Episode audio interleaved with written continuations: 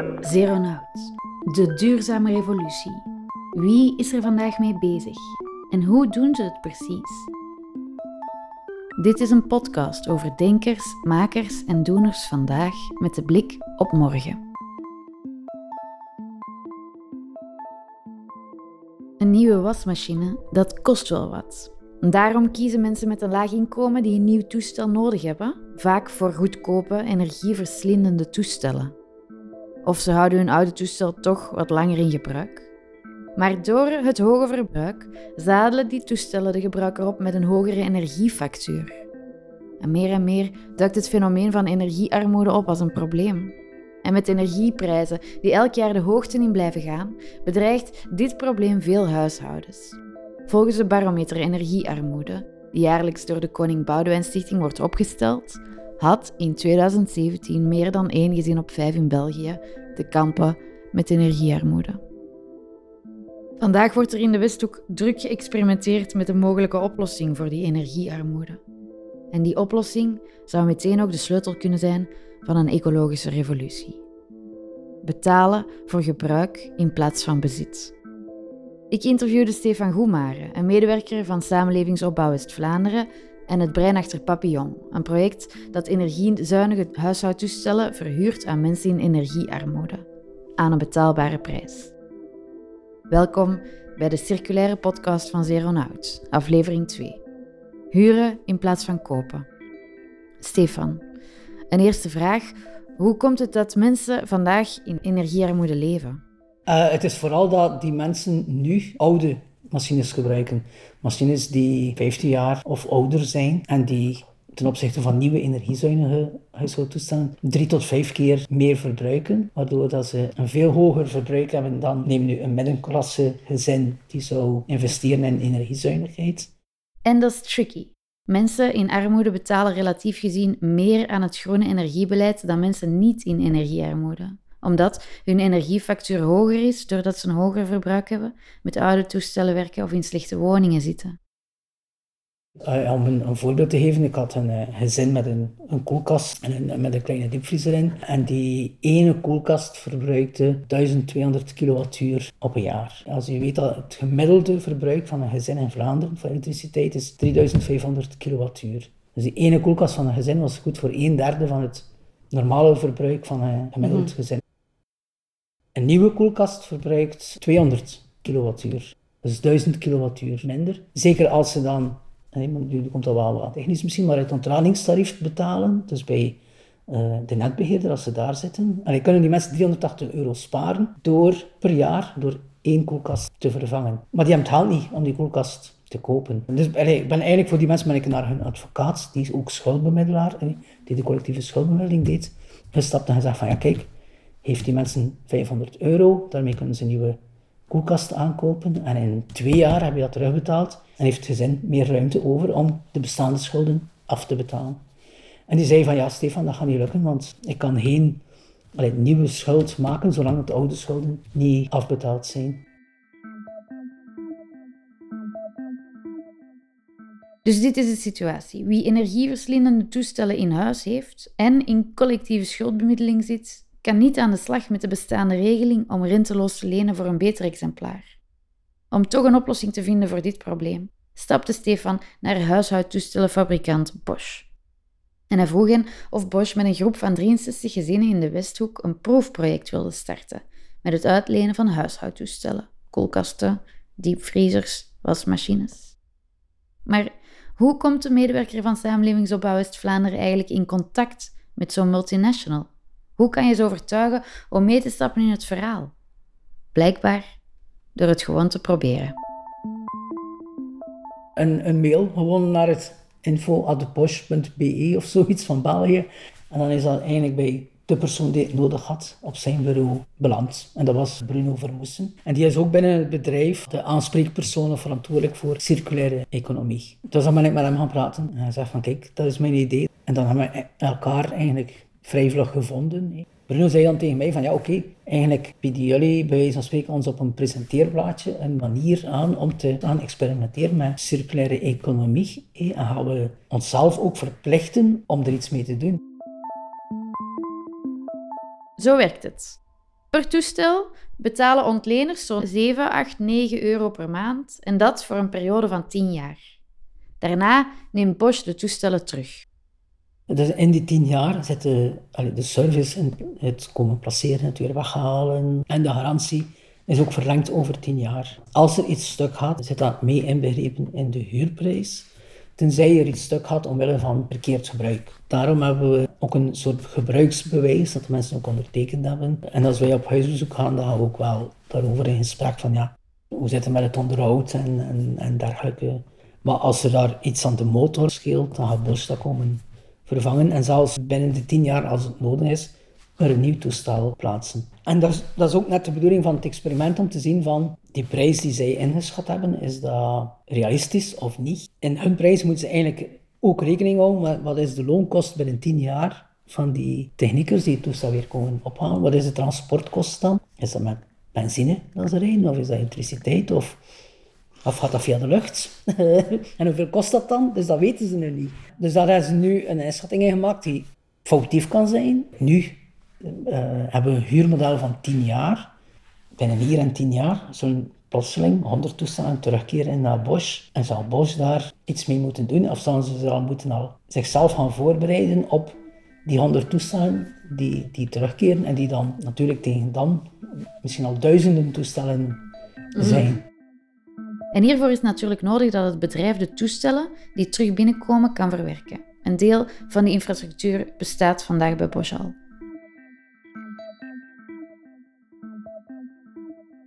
Oké, dus dat is stap 1. Bosch wil wel meewerken en er bestaat een soort infrastructuur die de verhuur en terugname mogelijk maakt. Hoe regel je stap 2 dan, de verhuur? Betalen de gebruikers rechtstreeks geld aan Bosch en brengt dat geen gevaren met zich mee, wat als iemand niet betaalt? Het hele eerste, simpelste idee was van, ja, mensen huren rechtstreeks van Bosch en betalen rechtstreeks aan Bosch één keer per maand hun huurgeld. Maar ja, dat was al naïef, 7 euro bij wijze van spreken in de boekhouding van een multinational. 7 euro per maand terugvinden in de boekhouding van een multinational. Daar moet men extra personeel voor gaan aanwerven die dat geld gaat traceren. Dus wij zitten er, op dit moment zitten wij ertussen. Dus de mensen huren aan, betalen aan ons, huren het toestel eigenlijk ook aan ons. En wij storten, wij verzamelen het huurgeld en storten één keer op het jaar het huurgeld door aan, aan Bosch. Dus om die hindernissen van kleine contractjes en risico's op wanbetaling te counteren, is op dit moment een tussenorganisatie als samenlevingsopbouw nodig. Al vinden sommigen dat dit misschien niet de rol is die zo'n organisatie zou moeten spelen. En hier neemt samenlevingsopbouw inderdaad het risico om op te draaien voor wanbetalingen van klanten. Maar Stefan vindt dat er goede argumenten zijn om het toch te doen. Ik heb zo ook drie gezinnen in die 63 waarvan je denkt van, ja, maar de leefsituatie is hier wel heel onhygiënisch. Dan kun je denken van, gaan we dan nu een nieuw toestand zetten, ja of nee? Dan is mijn visie van, ja, nee, we gaan dat wel doen. Net, net om te zien van, allee, mee in het experiment van, ja, of het daar lukt, ja, dan gaat het overal lukken.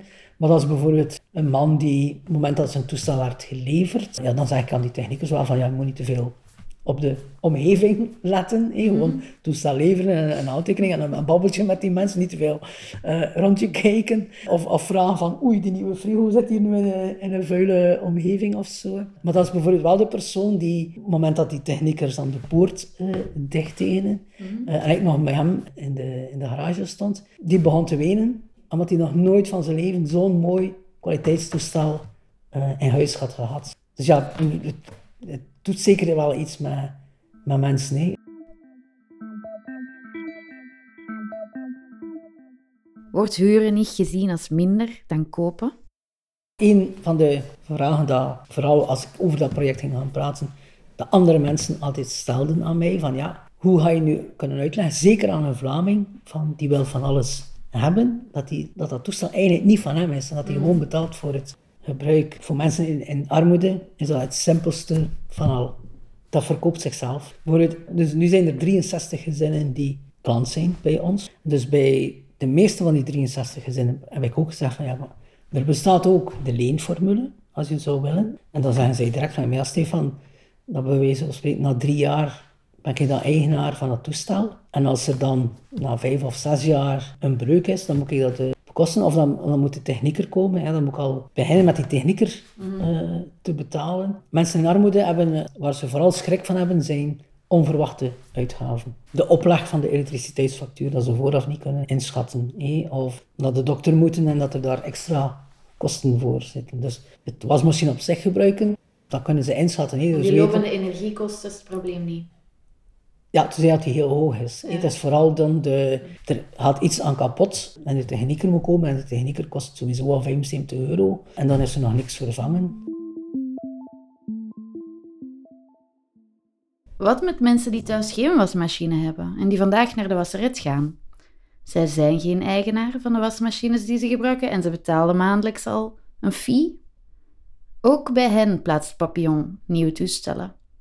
Die mensen hun energieverbruik gaat wel omhoog.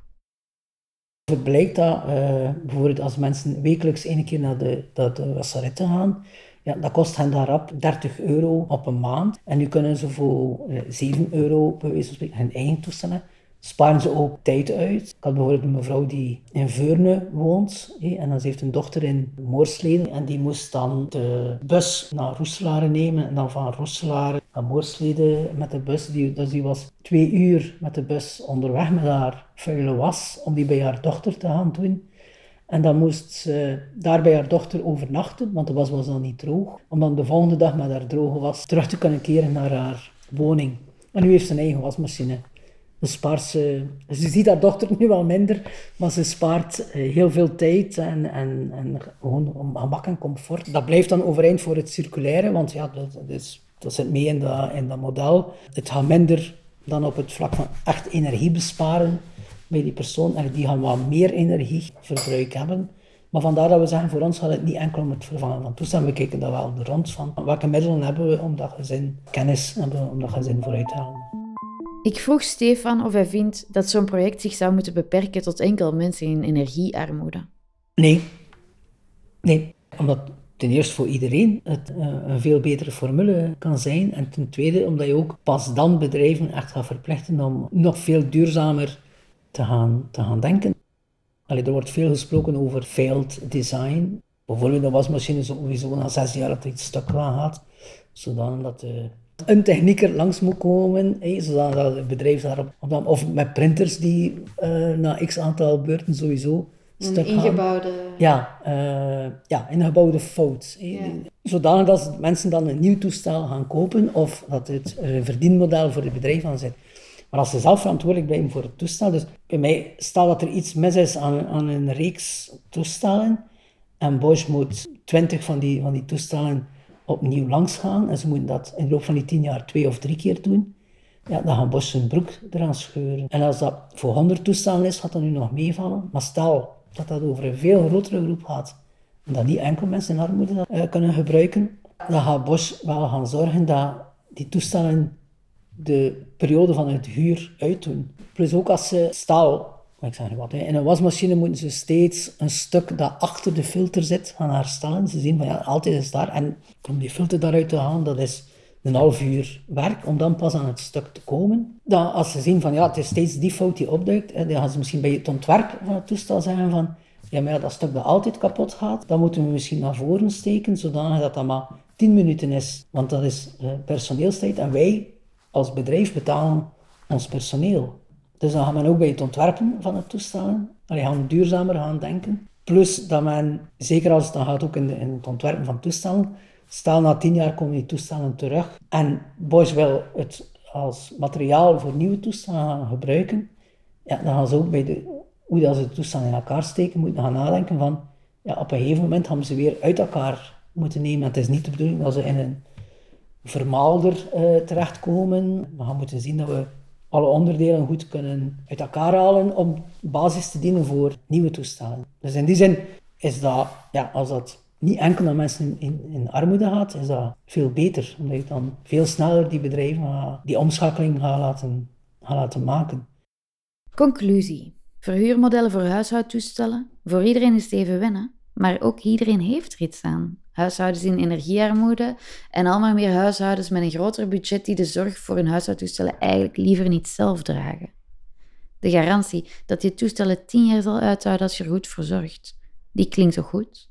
En ook voor bedrijven is het een interessante manier van denken, als ze af willen van hun huidige verkoop- en wegwerpmodel. Ik duizel als ik nadenk over hoeveel kostbare grondstoffen zo'n huursysteem uitspaart, als het ook voor fabrikanten interessant is als toestellen beter en langer werken. Internationaal is er alvast interesse om het Papillon-project uit te rollen, in Spanje al in de loop van dit jaar. En al is er nog wel een juridische weg af te leggen om ervoor te zorgen dat organisaties als Samenlevingsopbouw West-Vlaanderen niet meer die tussenrol moeten vervullen. Als we er allemaal even hard voor gaan als Stefan, ziet onze toekomst er binnenkort een pak duurzamer en socialer uit. Is dat niet een beetje klef? Maar het is wel waar. Dit was Zero Nout. We zijn er om de twee weken met deze podcast, die gemaakt wordt door Isabel van Houten. Montage door Katinka de Jonge, geluid door Hannes Veekman. Met de steun van Vlaanderen Circulair en Mo.